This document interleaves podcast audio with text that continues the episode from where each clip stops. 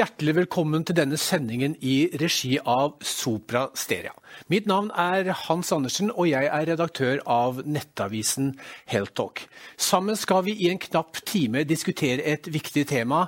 Vi skal diskutere Helse-Norge. Er det kollaps eller bærekraft i årene som kommer?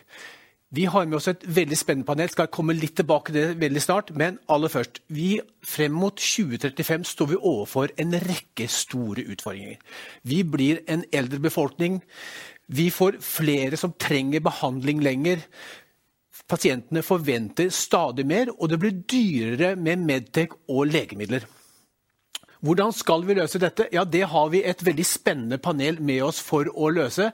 Aller først har vi med oss Ingvild Kjerkol. Du er eh, helsepolitisk talsperson for Arbeiderpartiet. Så har vi Marit Hermansen. Du er president i Legeforeningen. Så har vi med oss Bendik Bygstad. Du er professor på Institutt for informatikk på Universitetet i Oslo. Og ikke minst Gunnar Mørne, som er sektordirektør i Soprasteria på helseområdet. Velkommen skal dere være, alle sammen. Eh, men aller først, før vi slipper løs debatten, så, Gunnar, så har, skal du eh, legge fram nå den ferske rapporten som Soprastera kaller Helse-Norge 2035 kollaps eller bærekraft. Det blir spennende å høre på. Det skal jeg. Takk skal du ha. Ja, velkommen til denne digitale og virtuelle delen av Arendalsuka. I dag skal vi jobbe med temaet helse. Det er et bredt og alltid aktuelt tema, og akkurat nå kanskje noe av det hotteste vi kan debattere i norsk samfunnsliv. Det engasjementet og den temperaturen vi ser til daglig på både store og små debattarenaer, er et godt tegn på at vi nærmer oss et veikryss. Og det store spørsmålet er om vi klarer å peke ut kursen til der hvor pasienten føler seg sett, hørt og forstått til der hvor helsepersonell opplever at de ikke lenger bare ser bruddstykker, men hele pasienten, og så kan ta enda bedre beslutninger. Målbildet er nemlig klart. I Norge skal vi skape pasientens helsetjeneste. Samtidig er utfordringene velkjente og tøffe. Men i et stadig mer digitalt samfunn så peker nå virtualisering og digitalisering seg ut som noen ganske grunnleggende muligheter. Det er en samla IKT-bransje enige om. Og jeg opplever at vi har tatt den beslutninga. Norske virksomheter i IKT-bransjen har til sammen den kunnskapen og de ferdighetene vi trenger. Og vi ønsker å bidra slik at kvaliteten og effektiviteten går opp, og slik at pasientsikkerheten forbedres. Og I Soprasterias rapport Helse-Norge 2035 kollaps eller bærekraft så tar vi utgangspunkt i at utfordringsbildet er omforent. Det er ingen som lurer på om vi vil bli truffet av eldre bølger og mer komplekse sykdomsbilder. Spørsmålet blir da hva vi gjør i dag, sånn at vi i 2035 faktisk har realisert pasientens helsevesen. I rapporten peker vi på eh, noen nye eller endrede måter å organisere dette. Vi ser på prinsipper som på mange måter er allmenngyldige, men hvor alle vi som jobber i grensesnittet mellom helse og IKT, trenger økt fokus og tydelighet. Her er noen utvalgte begreper som vi går nærmere inn på i rapporten. Det handler om markedsplass og økosystem. Det handler om arkitekturprinsipper. Det er sky først-strategier. Selvfølgelig informasjonssikkerhet og personvern. I tillegg til dette med læring og kunnskapsdeling.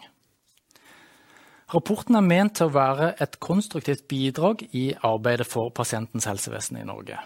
Målet er at den vil skape enda bedre kobling mellom helsesektorens visjoner og planer. Og 2035 er jo egentlig ikke så langt unna. 15 år høres kanskje lenge ut, men vi trenger å få en brattere fornyingskurve om vi skal lykkes. For det, mangler ikke på varsko. Københavns institutt for fremtidsstudier har i sin rapport Nordic Health 2030 pekt på at det blir stadig færre som kan være med å betale for flere helse- og omsorgstjenester. Den rapporten fokuserer på en mer balansert modell mellom helse- og omsorgstjenester og mer preventiv folkehelse.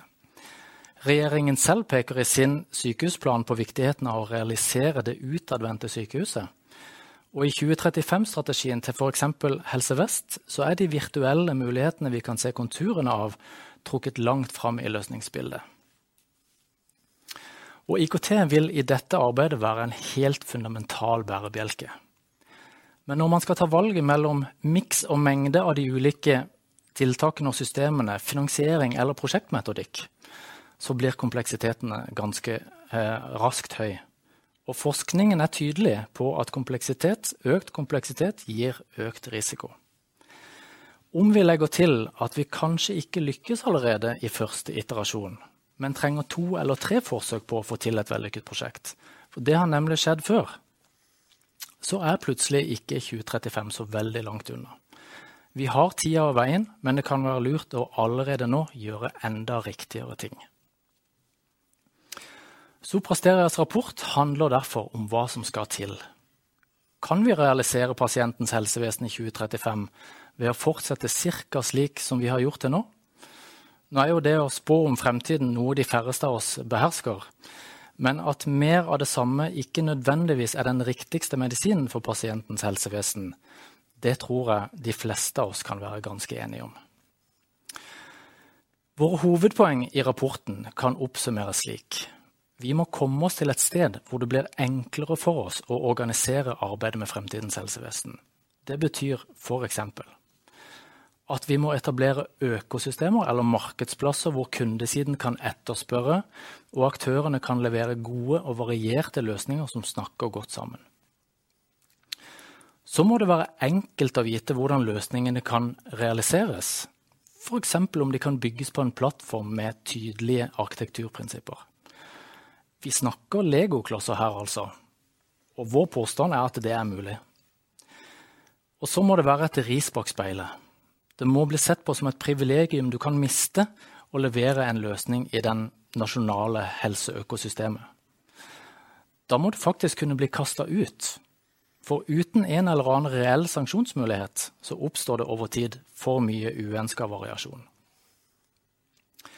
En sky-først-strategi handler om å ta mulighetsrommet med skybaserte løsninger mer på alvor.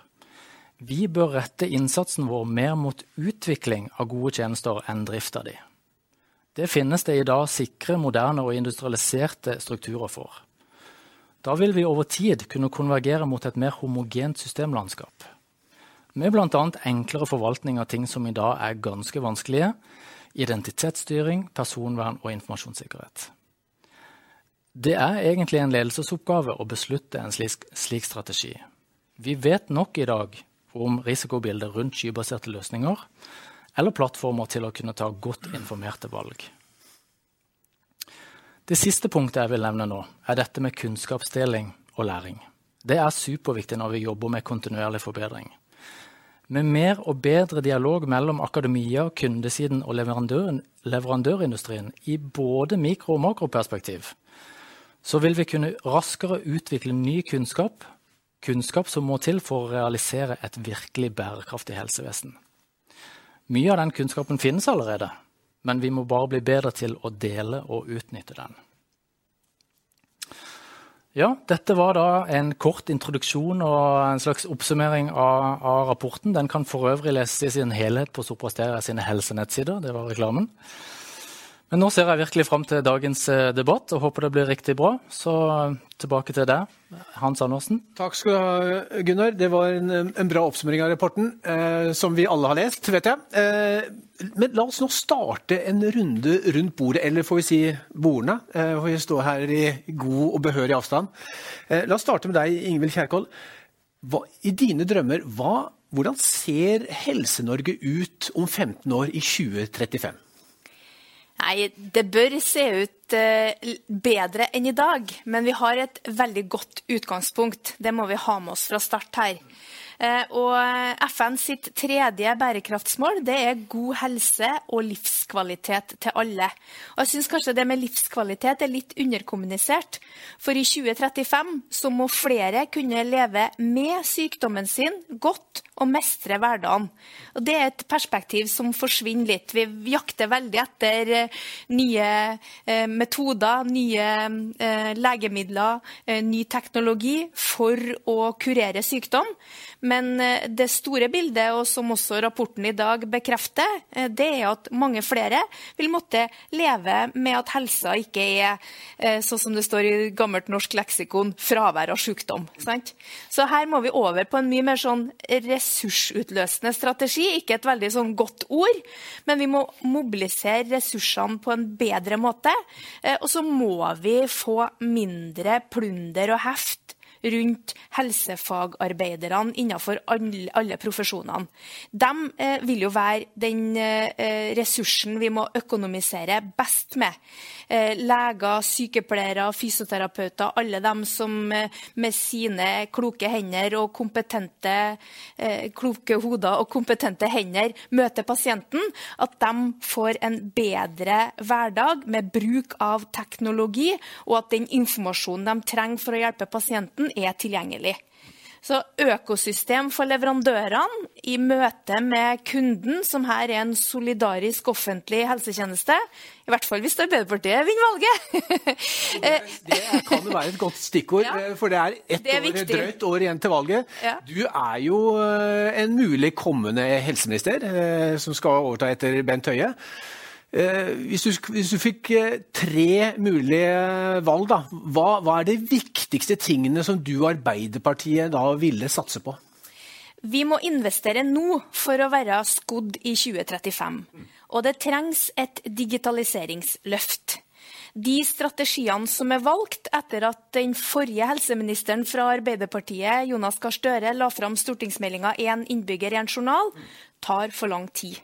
Så her har vi erfaring fra andre sektorer, fra fornybarsektoren, med mer lettbeinte, tilgjengelige ordninger for industrien.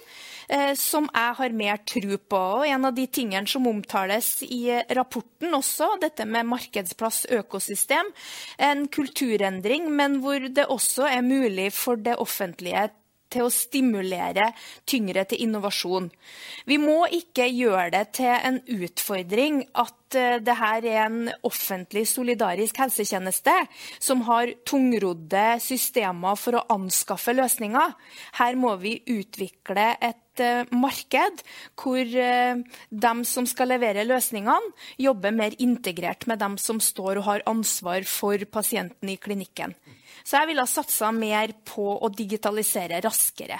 Men jeg ville ha satsa på mye mer, da. Men du skal da, få flere anledninger til å komme med uh, gode valgkampbudskap. ja, ja. det, er, det, er, i så fall en maraton vi da snakker om.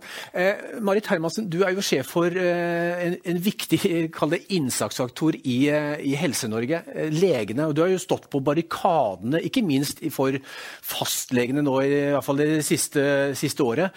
Men hva, hvis jeg kunne stille spør spørsmål til deg, hva, hva, ser hva er ditt ønskemål for Helse-Norge i 2035? Ja, 2035, så er 15 år til. Ja. Da er jeg 71 eh, år. Eh, forhåpentligvis eh, sprek. Sannsynligvis pensjonist. Bor fortsatt på en gård litt ute på landet. Og har et par kroniske sykdommer. Jeg betaler ikke egenandeler. For jeg har faktisk kroniske sykdommer, så noen i samfunnet betaler ikke egenandeler, de som har høyt trykk. Mm. Siste innleggelse jeg hadde på sykehus, da jeg var 71, eh, da var det litt dramatisk. Eh, så da kom ambulansen. Eh, man har desentralisert legevaktene, sånn at legen var med. Og hadde da oppdatert informasjon i ambulansen om mine medisiner og, og viktige, viktige, opplysninger. På sykehuset lå jeg på intensiv. Det var høy kvalitet fordi man de siste årene hadde satset på å, å styrke intensiv. Så kom jeg på enerom, men jeg ble etter hvert flytta over i flersengsrom.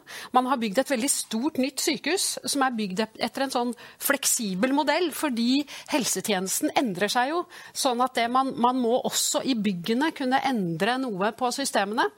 Eh, da jeg ble skrevet ut, så hadde jeg en lang samtale med legen, og underveis i samtalen så ferdiggjorde han alle, eh, eh, alle opplysninger som ble sendt til de ulike journalsystemene som var i hjemmesykepleien, fastlegen, men, det, men men det gikk inn i journalsystemene. La seg inn, f.eks. alle medisinene, eh, kontrollopplegg for eh, denne kroniske sykdommen, innkalling til neste møte, la seg sømløst inn etter en mal. Og selvfølgelig hadde man jo digitale møter mellom sykehuset og fastlegene hvor, vi, hvor de eh, eh avgjorde hva som skulle gå når og hvordan man, hvem som skulle ha ansvar eh, for hva. Og, og fastlegen hadde jeg da hatt en, en nær relasjon til i, i ti år. Eh, og så var jeg ikke helt pensjonist, så jeg var av og til på rådhuset eh, og snakka med mine kolleger som var kommuneoverlege. Eh, og de fortalte at de hadde nylig hatt en, eh, en beredskapsøvelse som var felles i, i distriktet.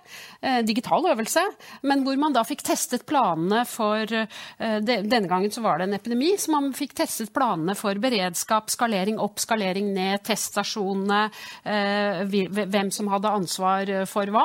Og denne kommuneoverlegen var jo da hadde jo da var i hel stilling og hadde ansvar for flere kommuner. Eh, så, så, så det jeg ser for meg da, som en 71-åring i en distriktskommune, er en helsetjeneste som ligner en del på det vi har i dag. Hvor kontakten med menneskene og, og helsepersonellet er viktig, men hvor vi faktisk prioriterer de og har det tekniske til å hjelpe oss med alt dette plunderet og heft som går litt sømløst. Mm. Det er min drøm. Kan jeg bare spørre helt konkret, Tror du at, vi, at det blir sterkere privat innslag i helsevesenet, eller vil eh, den kalde solidariske helsemodellen som vi i dag har, med noe innslag av helseforsikring osv., vil, hva, hva, tror du? Vil, vil det, uh... Min drøm er et, et en sterk offentlig helsetjeneste. Uh, vi kommer sikkert litt inn på det senere, for det er jo helt avhengig av at det offentlige leverer eh, høy kvalitet og best mulig. Det er jo da jeg har lyst til å betale skatt og ikke trenger å kjøpe forsikring. Hvis jeg begynner å tvile på at, eh, at det offentlige leverer langs denne linja, ja, da begynner jeg å tenke på at kanskje jeg burde ha forsikring, kanskje barna mine burde ha forsikring. Eh, og så begynner man å, å, å, ikke ha så lyst til å betale for to systemer. Ja. Bendik Bygstad, eh, du er jo spesialist innen IKT, men jeg har lyst til å spørre deg et, et spørsmål som går utafor eh, IT og IKT. Hva, hva, er de største helseutfordringene som, som du ser nå fram mot 2035? Det ble påvist eldrebølge osv., men hvis du går litt inn i helsevesenet vårt og, og, og ser i nuts and bolts, hva er egentlig hovedproblemet, tror du? Hmm. Ja, eh, Jeg er ikke sikker på om jeg er kompetent til å svare på dette. Hvis du ser på de kurvene til Gunnar, Eh, så sier det noen ting om at det er altså ikke de tradisjonelle sykdommene som vil være der, men det er andre. Det er kanskje det er antibiotikaresistens, mm. og det er også kanskje disse hjernesykdommene med Alzheimer og, og sånne ting som kommer. Og eh, det er klart det blir en enormt stor utfordring for helsesektoren å håndtere dette, dette sykdomsbildet. Jeg tror alle, alle ser det. At hvor mange kan det jobbe i helsevesenet? Eh, hvilke eh, organisasjonsløsninger vil det være her? Eh, alt dette er vel e-, egentlig åpent nå, og jeg tror vi, vi kommer til å måtte bruke disse 15 årene på å finne bedre løsninger. Mm. En av de tingene som har måtte, rammet oss i forbindelse med koronabølgen, er at vi ser at det å være kronisk syk er et problem. Og veldig mange av disse kroniske sykdommene er jo selvpåført. Dessverre. Vi, vi, vi, ser nå at, at, Storbritannia, hvor Boris nå starter å sette hele folket iallfall prøver å, å, sette det på, på, på slankekur. Eh, hva, hva, hva, tror du, Gunnar, om, om, om det eh, i fremtiden? Vil, vil, vi må ta et større grep for å få ned måte, denne det, eh, sykdomsepidemien som, som, som, er, eh, som, vi spiser oss og, og drikker oss og røyker oss til? Måte gjør ganske mye bra eh, i dag, egentlig, med å jobbe med folkeopplysning. og Helsedirektoratet har jo mange flotte kampanjer. og Vi er vant til å forholde oss til den type informasjon om hva som er bra for oss og hva som ikke er bra for oss. Og så tror jeg man må, bare, man må bli flinkere til det. Og det å jobbe med preventiv folkehelse, eh, det skulle jo egentlig bare mangle. Det har jo det kan jo forskerne mer om enn meg, men i Catalonia for eksempel, etter finanskrisen så var de egentlig tvunget til å jobbe med, veldig med det. Hvordan skal vi nå sikre at folk ikke kommer inn på sykehuset, for det har vi ikke råd til. Mm. Men Jeg, jeg syns jo ikke vi skal si selvpåført. Mm. Fordi vi vet at det er en ganske sånn kraftig sosial gradient i helse. Ja. Det å gjøre de, de, gode valgene, det er faktisk mye lettere for oss som står her, enn for andre som har andre utfordringer. Så jeg, jeg syns det skal være sagt òg. Det, og det er et veldig godt poeng. Ingvild Kjerkol, jeg må spørre deg. Hvis ikke jeg husker helt, så, Jon, Du sa selv at Jonas Gahr Støre var jo helseminister, og i 2013 mm. så, så, tok jo han noen eh, grep, eller prøvde å ta noen grep. Han ville bl.a. innføre et forbud mot reklame for usunn mat. Mm. Det er det samme som Boris eh, skal gjøre nå i Storbritannia. Han vil også si nei til at eh, dagligvarebutikker skal ha godteri og snacks foran kassapunktene. Er det noe som dere i Arbeiderpartiet nå tenker på? Jeg har bare lyst til å si at Det utfordringsbildet som innleder diskusjonen vår, det er klart, det kan vi, ikke, vi kan ikke bevilge oss ut av eh, de utfordringene. Vi kan ikke løse det med teknologi alene. Vi kan ikke løse det med mer helsepersonell alene. Men på alle nivå så må vi forebygge sykdom bedre. Og det er en, det er en folkehelsepolitikk. Én eh, ting er jo det som går på sunne, gode vaner, at den enkelte investerer i sin egen, egen helse.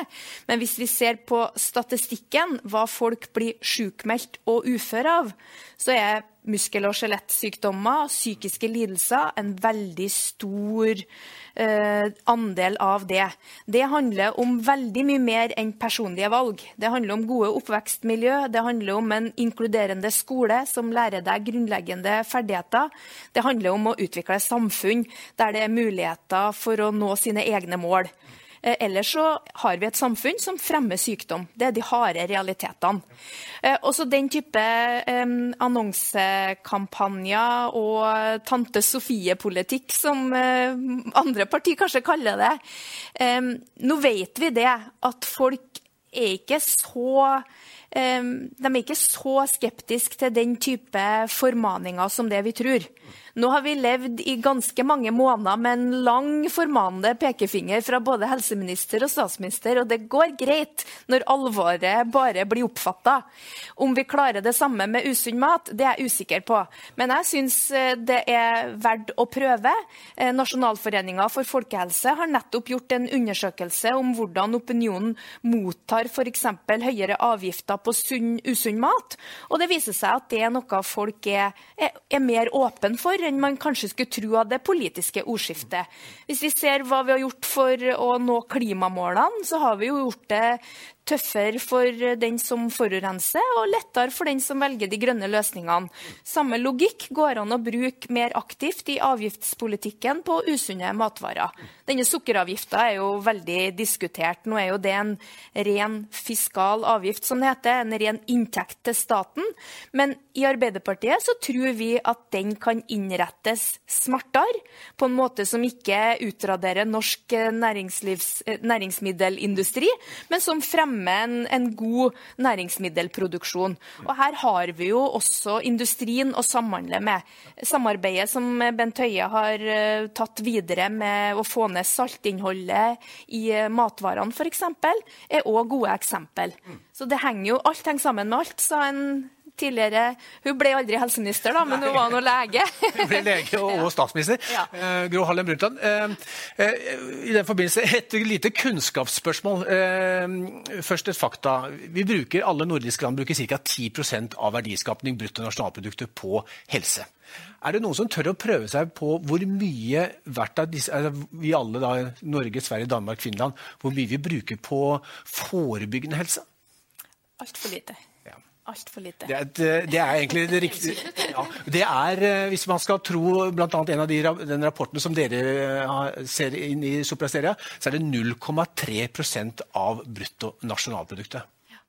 Eh, er det noen som vil kaste seg utpå? Er det noen som tenker at det kanskje er, er litt galt? Marit?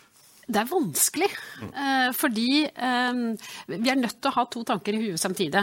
Eh, vi ser at det er en del av de store lidelsene som rammer oss, og som rammer egentlig hele verden, som, som kan forebygges.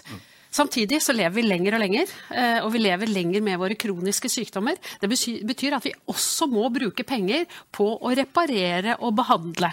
Eh, så la oss si at alle lever vi lenger og, og, og til slutt får en kreftlidelse. Så, så, så, så, blir det jo dyrt å forebygge òg. Det, det, er jo en, en, slags vits. Men det viktigste med å forebygge tenker jeg da at man sparer lidelse eh, og, og unge leveår. Sånn at vi må klare begge deler. Om det skal være en prosent eller, eller hva det skal være, det vet jeg ikke. Men, men um, det meste av forebyggingen foregår jo da ikke i helsetjenesten. Det foregår i alle andre steder av samfunnet. I skolen, i måten vi bygger byer på, i, i økonomisk utjevning, uh, i hvordan, hvordan, vi er som samfunn. Og jeg må si at det er en del positivt også i, i samfunnet der. Hvis du ser på kommunene nå, så, så, så har man beskrevet masse toppturer. og folk går ut, og det er en del lavterskeltilbud. Så, så det er jo Og, og ikke sant, vi, vi, kjøper brød med tre og fire sånne firkanter i, og, så det skjer jo en del positive ting der. Men vi må ha to tanker i hodet samtidig. Dere har alle vært inne på digitalisering, og det skal vi snakke litt om nå. Uh, uh, Bendik Bygstad, du, du, altså i, i, uh, du sier at Eh, du har skrevet en, en kronikk i eh, Dagens Medisin som var litt interessant, syns jeg. Og, og, for vi ser at digitalisering av helsesektoren går saktere enn det vi ser i andre sektorer. Og, og, så sier du at noen har ment at det skyldes for svak statlig styring, og andre har pekt på at helsesektoren er mer kompleks. Men du har kommet på en annen forklaring som du mener har større eh, validitet og evidens. Mm. Eh, ja, etter å ha studert dette i en del år, så eh, Og jeg har jobbet med flyselskaper og med banker og sett hvordan de har eh, digitalisert sine tjenester. Og vi ser ved det at helsesektoren har dårlige løsninger.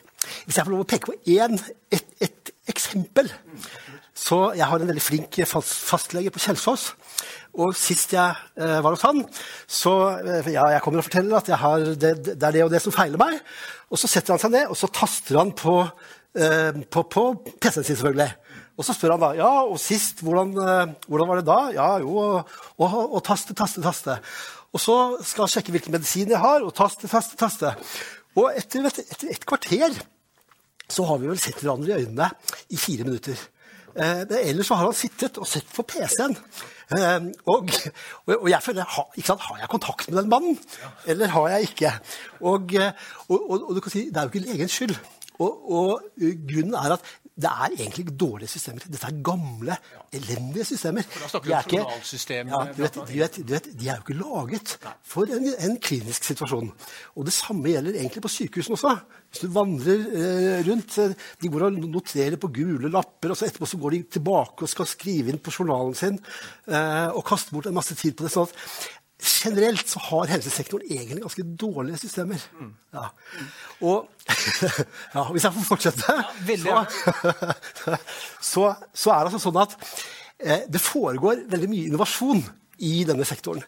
Eh, F.eks. For i Forskningsparken, som er vår nabo i Gaustadbekkdalen, så har vi 270 selskaper som altså driver med medisinsk innovasjon på ulike områder.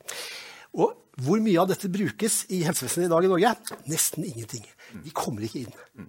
Eh, og eh, det forteller meg at eh, vi har en helsesektor som er dominert av noen veldig store eh, leverandører, som sitter egentlig med ganske gammeldags eh, løsninger. Og så har vi masse ny teknologi som kommer inn, og, og behov og tilbud klarer ikke å møtes. Mm. Og, og, og, vår konklusjon på dette har på en måte vært at det er noe med samspillet mellom alle disse aktørene mm. som ikke fungerer. Og uh, Det er på en måte det Gunnar nå har, har, kalt for økosystemet. At vi må finne en måte å få behov til å møte tilbud på en måte som er mye mer dynamisk enn det som er tilfellet i dag. Det digitale økosystemet fungerer ikke, sier Bygstad jeg er veldig enig i den beskrivelsen. Um, og jeg tror vi holder på å ramle ned i noen fallgruber. Uh, det som er den det, det, fremste styrken med vår solidariske helsetjeneste, er jo at den er tilgjengelig for alle. Den er finansiert over statsbudsjettet. Og skal, den skal være like god om du er i Alta, eller om du er på Stjørdal, der jeg bor, eller om du er her i nærheten av Ullevål enn så lenge, Marit. og, og, eller Gaustad, sant? Uh, men uh, det disse lettbeinte fornyelsene skjer ikke. Og det tror jeg handler litt om eh, eh, sykehusene eller helsetjenesten eller eh, kommunene eller staten som innkjøper. Eh, det finnes jo lokale helseforetak som oppretter innovasjonsklinikker, inviterer leverandørene inn, får til det gode samspillet. Men da må de ha litt sånn softmoney å handle løsninger for, da. Da må ikke alt ende ut i en rapport om et behov, så må hele den store veien om Direktoratet for e-helse for å få en anskaffelse gjennomført. Nå satte jeg det litt på spissen, mm, mm. men jeg har veldig tro på mer tillit lenger ned og muligheten til å bruke allokerte ressurser for å digitalisere. Det tror jeg er mer styring, som jeg oppfatter at uh, min sidemann tar til orde for. Men det er ikke sikkert det oppfattes sånn, uh, i og med at du plukker myndighet kanskje da fra Direktoratet for e-helse. Så skal jeg si en ting før jeg begynner på et langt foredrag om Direktoratet for e-helse. Jeg tror at du skal tenke deg nøye om før du oppretter et nytt direktorat. Og jeg er veldig bekymra for at vi ikke tenkte oss nøye nok om før man oppretta det. Jeg tror at de som skal bruke løsningene, også må være dem som anskaffer dem. Hvis de trenger kompetanse for å få til den transaksjonen, så må de heller få det enn å få en løsning tredd nedover seg fra et stort og omfattende um, ja, direktorat langt unna tjenesten, da. Nå var jeg veldig politisk. Det var, det var, det var bra, det var veldig tydelig. Marit, eh, du ba om ordet. Ja, fordi egentlig, egentlig syns jeg det er litt synd, eh, men forståelig at du bruker fastlegen som eksempel. Eh, fordi, fordi fastlegene har faktisk vært eh, brukere av system som har sittet ganske nære eh, eh, utviklerne. Og Der har du flere journalsystemer eh, som konkurrerer seg imellom, eh, og, og, og, hvor brukermedvirkningen er ganske tett. For det er faktisk fastlegene som kjøper disse journalsystemene. Så er det noe med finansieringen av det som gjør at man eh, ikke har klart å, å, å, kanskje ha muskler nok eller økonomi nok til å være en god kjøper av det. Og så har du problemet med at Eh, dette systemet, som jo fungerer eh, relativt godt på fastlegekontorene, kommuniserer dårlig med de andre systemene. Men det handler ikke nødvendigvis om den strukturen med fem-seks eh, ulike journalleverandører, eh, som kanskje egentlig ikke har kapital til å ha nok utviklere eh, via disse. Men det handler om at de skal kommunisere med systemer som er statlige og, og på sykehusene, og, og, som har mye mer preg av det du beskriver, nemlig store mastodonter. Mm. Eh, og, og, da velger jo da staten til dels å lage eksterne løsninger eh, som, ikke, som, ikke, kommuniserer inn i journalsystemet, men som gjør at man må logge seg opp, og så hente, hente dataene ned igjen, og så må du dobbeltføre. Eh, så, sånn at det jeg er veldig enig i det du sier, og så, og så tenker jeg at sykehusene nok hadde vært et bedre eksempel. Fordi det å ha så nær eh, eh, brukerpåvirkning som faktisk disse journalsystemene har hatt, det, jeg, det, det, det, har faktisk ført at disse er mer moderne enn mange andre systemer. Men jeg er enig, det er, det er masse man kunne gjort videre her. Gunnar Mørne, dere sitter jo med en stor helseavdeling og jobber med disse eh, problemene ute i, regner jeg med, med journalen og, og for å få strømlinjeformet helsetjeneste. Hva, hva er din erfaring fra dette? Nei, Den er jo at eh, vi er der ute hver eneste dag og, og, løser ting. Eh, så det er mange ting som blir løst eh, underveis. Jeg tror Noe av det som jeg gjerne vil påpeke i forhold til det du sa, Ingvild, er jo at jeg tror Direktoratet for e-helse er den rollen med de som skal bestemme hvordan ting må se ut. Dette økosystemet, eller plattformen. Disse fastlegene, hvis de hadde bygd disse pasientjournalsystemene sine på omtrent samme måte, så hadde det vært mye lettere for at de kunne samarbeide. Det er fullt mulig å definere det grensesnittet som skal til mellom sykehusene og andre systemer for å få til datautveksling. Mm. Eh, så det, liksom, det, tenker jeg nok er IKT-bransjens budskap her nå. At eh, nå er vi på et sted hvor det er mulig å få til ganske kule ting. Eh, men vi må finne ut av hvor man skal starte, hvem som skal bestemme, og så må det helst være et ris bak speil, for hvis ikke så, liksom, så blir det frislipp. Mm. Mm. Og det er gøy med frislipp, men hvis det er frislipp, altså sånn frihet under ansvar sånn Du vet at nei, men hvis jeg bare utvikler det på denne måten, så kommer jeg til å få lov til å fortsette med dette i uendelig tid. Uh, så vi må, vi må liksom Det er mulig å få til, og vi må finne bedre måter å organisere det på.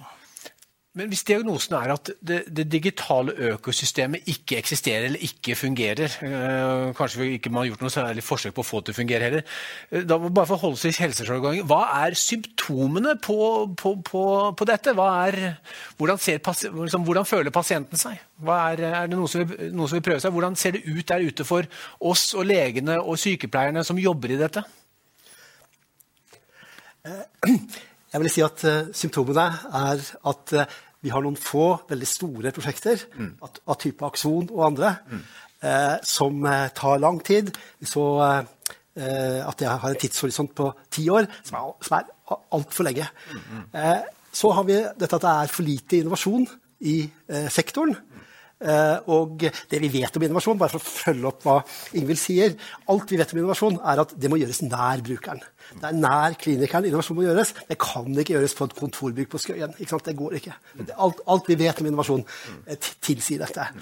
Uh, derimot så må vi lage plattformer. Altså de sentrale lagrene av informasjon de må være sentrale. Og Derfor så mener jeg at vi må finne en arbeidsdeling der staten gjør det bare staten kan, nemlig å samle denne informasjonen på en sunn måte. Og jeg syns også det er staten som bør ha denne informasjonen, ikke private selskaper. sånn som det legges opp til. Dette er et veldig viktig punkt, at vår personlige medisinske informasjon at den faktisk blir laget på en måte som er politisk styrt. Så, så liksom, dette økosystemet, der må på en måte grunnfjellet det må bygges av staten. Ikke sant? Eh, Marit først, og, og, og så Ingvild. Ja, og Veldig enig i det. Eh, eh, danskene har, danske allmennleger har tolv systemer. De har hatt en, en, et sånt grunnsystem fra starten av, så der kobler man på åler. Du spurte etter symptomene ja. for legene og, og, pasientene der ute. Hvordan opplever de, hvis de liksom skal ta hele Helse-Norge, så, så tror jeg at helsearbeidere opplever veldig mye at det er tungt. Uh, altså at man, man, må gjøre ting, må, registrere ting mange steder. Logge seg på mange steder, ulike passord. Det tar lang tid. Uh, og, uh, har, systemene er kanskje laga mer noen steder, på sykehjemmene f.eks., mer for saksbehandling enn for pasientarbeid. Og dermed så passer det ikke. Så man, jeg, tror det oppleves som tungt. Og så skal vi da huske på at det er en del som fungerer ganske godt. Mm. og, og så tror jeg det oppleves som ujevnt. Nettopp fordi det er en del som fungerer godt. Altså I løpet av noen uker så fikk vi covid-svarene inn i kjernejournal. Så alle kunne se det, også pasientene. I løpet av tre uker så var alle fastlegene på videokonsultasjon. Sånn, sånn at det, det, det, er ujevnt. Mens på sykehjemmene så, så, er det helt umulig å søke i journalene. Så det er veldig ujevnt. Og så tror jeg eh, at det oppleves som usikkert. Og da er jeg kanskje litt over, beveger meg litt over på IKT-området. For det er klart at hvis du ikke vet hva som er planen framover og hvordan det ser ut, hvordan skal du da satse på å utvikle eh, IKT? Hvordan skal, hvordan skal, du tørre å satse inn i dette markedet hvis du ikke vet om om hva som skjer de neste ti årene. Det, blir det bare ett system igjen, eller skal det være mange systemer? Eh, og hva skjer da med de systemene som skal fungere så lenge? Det tror jeg er en stor usikkerhet. De, de, tre strategiske tiltakene som er valgt for å følge opp eh, stortingsmeldinga 'Én innbygger, én journal', det er jo å modernisere journalsystemene i sykehusene. Der har jo Eh, Helse Midt gått sin egen vei sammen med kommunene i Midt-Norge og gjort en egen anskaffelse hos en amerikansk leverandør av journalsystemer. Og så er det det tredje eh, det Helseplattformen i Midt-Norge er jo omtalt som en pilot da, for resten av landet, uten at vi vet helt hva, hva det betyr. og så har du det, det, tredje, som handler om uh, nye journalsystemer for kommunehelsetjenesten. Og det er jo viktig å få fram at det er jo primærhelsetjenesten som er det store grosset. Alle dem vi snakker om som trenger helsetjenesten i framtida, de vil bo i en kommune, trenger veldig mye tjenester av den kommunen kommunen de bor i. Og så vil de, som Marit når hun ble 71 år, være inn på sykehus kanskje en par ganger i året hvis du er uheldig, kanskje oftere hvis du er skikkelig uheldig. Og da trenger vi eh, digitale løsninger som snakker sammen som om helsetjenesten var én helsetjeneste, og ikke sykehusene som staten har ansvar for, og primærhelsetjenesten som kommunene har ansvar for. Og Da ligger det noen åpenbare nasjonale tjenesteleveranser i det, som jeg mener at staten bør ha ansvar for. Direktoratet for e-helse er oppretta. Det handler om å avstemme deres rolle som myndighetsorgan. For akkurat nå så tror jeg de blir oppfatta litt som utviklere og anskaffere. Mm. langt unna brukeren. Så her må det ryddes litt, tenker jeg, for å få til de gode innovasjonene og de gode anskaffelsene som skal løse veldig mange av de identifiserte barrierene. Mm lege, pasientens legemiddelliste, f.eks. Kjempeviktig at du får den uansett hvor du logger deg inn. Hvilken, hvilke legemidler har personen foran, eh, foran meg i, i, i, sin pilleske, pilleeske. Men det skal altså ikke komme før i 2030. Og da har vi kommet langt på denne rapporten, vet du. Da, da, da er vi på hælene. Så her må det gjøres på en litt mer sånn skrittvis måte, hvor man høster erfaringer av det som løses fra måned til måned måned til måned, år til år, og ikke liksom legge alle eggene i én kurv. da. Det er vel helst det som er bekymringen vi sitter med nå. Symptomene virker som eh, vi har en ganske grei og overordnet forståelse for hva, hvordan pasienten har det. Eh, du var inne på det, Ingvild, eh, litt på hva som skal gjøres. Hva vil dere, hva vil dere andre si? Hva, hva, er på en måte medisinen her? Jeg tror i hvert fall at kundesiden og leverandørsiden trenger å komme nærmere hverandre og bli mer oppmerksom på hvilke, hvordan man kan utfordre hverandre og benytte seg av hverandres kunnskap og kompetanse. Og en av de kanskje viktigste tingene som jeg har lært av det, Bendik, handler jo om, om eh, hvordan akademia og, og, leverandørsiden og kundesiden sammen egentlig representerer en sånn læringsloop som man faktisk kan få til å vokse hvis man eh, fikser de små disconnectene som nå er mellom de forskjellige gruppene. Mm. For vi blir litt sånn Ja, men vi har jo vi har masse kompetanse og skulle gjerne tatt det med, og kundesiden er litt sånn vet ikke helt om det passer akkurat her, så det er flott, det, men liksom holder oss litt sånn på avstand. Eh, og så eh, syns jeg jo at eh, akademia også kan kanskje være flinkere til å dele. Du er veldig flink Bendik, til å skrive masse og være synlig på, på den nasjonale arenaen. Men, men, det er ikke alltid at alle artiklene eh, er like tilgjengelige. Men de, de, det er mye kompetanse der som vi trenger å få på en måte internalisert da, i dette lærings... Marit? Ja, og øh, jeg tror jo at vi, vi, trenger, øh, vi, trenger, medvirkning. Der er faktisk Helseplattformen vært forbilledlig god. Med, med veldig nær, øh, med, hvor man har plukket ut virkelig de flinke klinikerne til å være med i prosjektet helt fra starten av. Så skal vi ikke si hva de har valgt. Altså, det er mye å diskutere der, men, men det er en viktig pilot. Og de, og de har i hvert fall tatt med seg klinikerne. Det er jo noe man har lært fra fra København. Jeg tror jo også at vi kanskje trenger et akademisk miljø som har helsekompetanse og IT-kompetanse. Eh, altså et, et, et, akademisk miljø som kan vokse litt der og, og være en sånn ressursbase. Det er jo ikke de som skal sitte i alle prosjektene, men det kan være en sånn akademisk eh, ressurs. Og så vil jeg jo også si at vi vi, eh, jeg skal sammenligne det litt med eh, Jeg husker ikke hvem det var som brukte sammenligningen med å bygge sykehus. At, at eh, IT utvikler seg mye raskere, sånn at man må ha liksom fleksibilitet i sånne lange Men hvis du ser på bygg av sykehus, så var det da, da man planla Kalnes, så trodde man at man skulle lose pasientene kjemperaskt gjennom akuttmottaket, sånn at man bygde et lite akuttmottak. Og så tar det altså åtte, åtte år eller sånt å bygge et sykehus. Eh, og, og, og, i løpet av den tiden så var jo pasientene i akuttmottaket nesten en hel dag fordi man snur pasientene. Sånn at det, det, selv med så store prosjekter så må man ha en sånn ibygd evne til å justere seg underveis. Derfor tror jeg det er utrolig at det er viktig å bygge sten på sten. Mm. Gunnar? Historie om uh, sykehuset på Kalnes. fordi en av de, uh, Når man implementerte IKT der, så, så vanligvis så hender det jo at IKT-prosjekter de går litt over tiden, og det sklir litt og det blir ikke helt ferdig. Men når det er sykehus som skal åpnes og kongen skal komme og klippe snora, så er 4. november det er 4. november. Så da måtte alt være ferdig, og det ble det. Så vi jobber veldig godt under press. Det er veldig bra.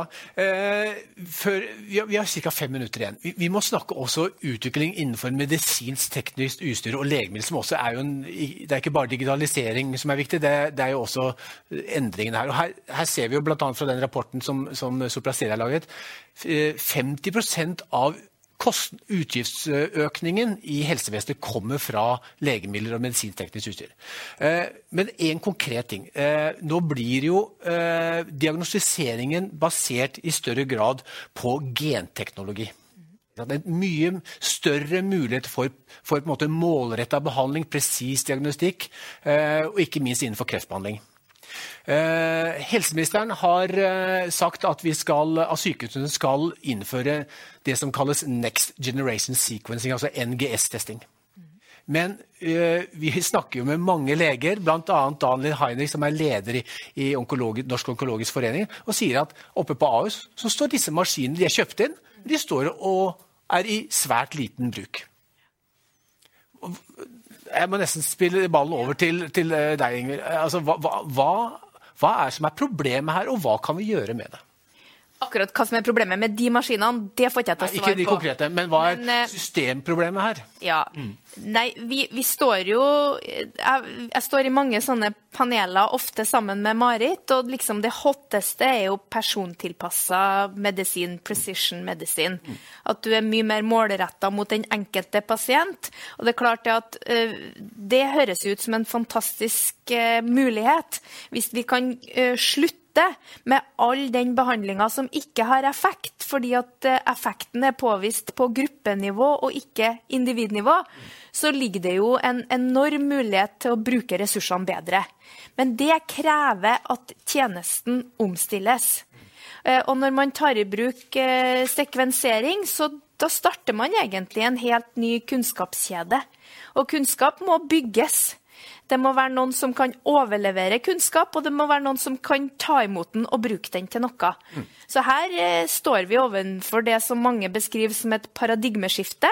Men det, det, da, vi mangler egentlig den kartleggingen som sier hvilke flaskehalser haster mest, og hvordan går vi skrittvis videre for å kunne hjelpe pasienten mer effektivt og skånsom, og slutte med behandling som ikke hjelper. Det er jo den dyreste behandlinga, mm. den som ikke har noe effekt. Mm. Marit? Ja, altså Leger eh, har alltid vært ivrige til å ta i bruk nye metoder. Mm. Eh, og vil gjerne hjelpe pasientene sine på den best mulige måten. Eh, og, og, og, og så må vi da Vi må faktisk ha et utdanningssystem som sørger for at vi utdanner de riktige spesialistene. At vi klarer å, å fange opp trendene i samfunnet, så at vi får nok genetikere, nok eh, laboratoriespesialister. Eh, så det, det, er jo også noe å huske på. Og så er det sånn at eh, her kommer det nok til også å komme hummer og kanari. Noe som vil være presist og godt å tjene oss som menneskehet, og noe som vil være eh, forstyrrende og kanskje skadelig.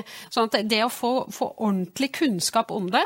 Ehm, eh, og så må det vurderes om dette skal prioriteres.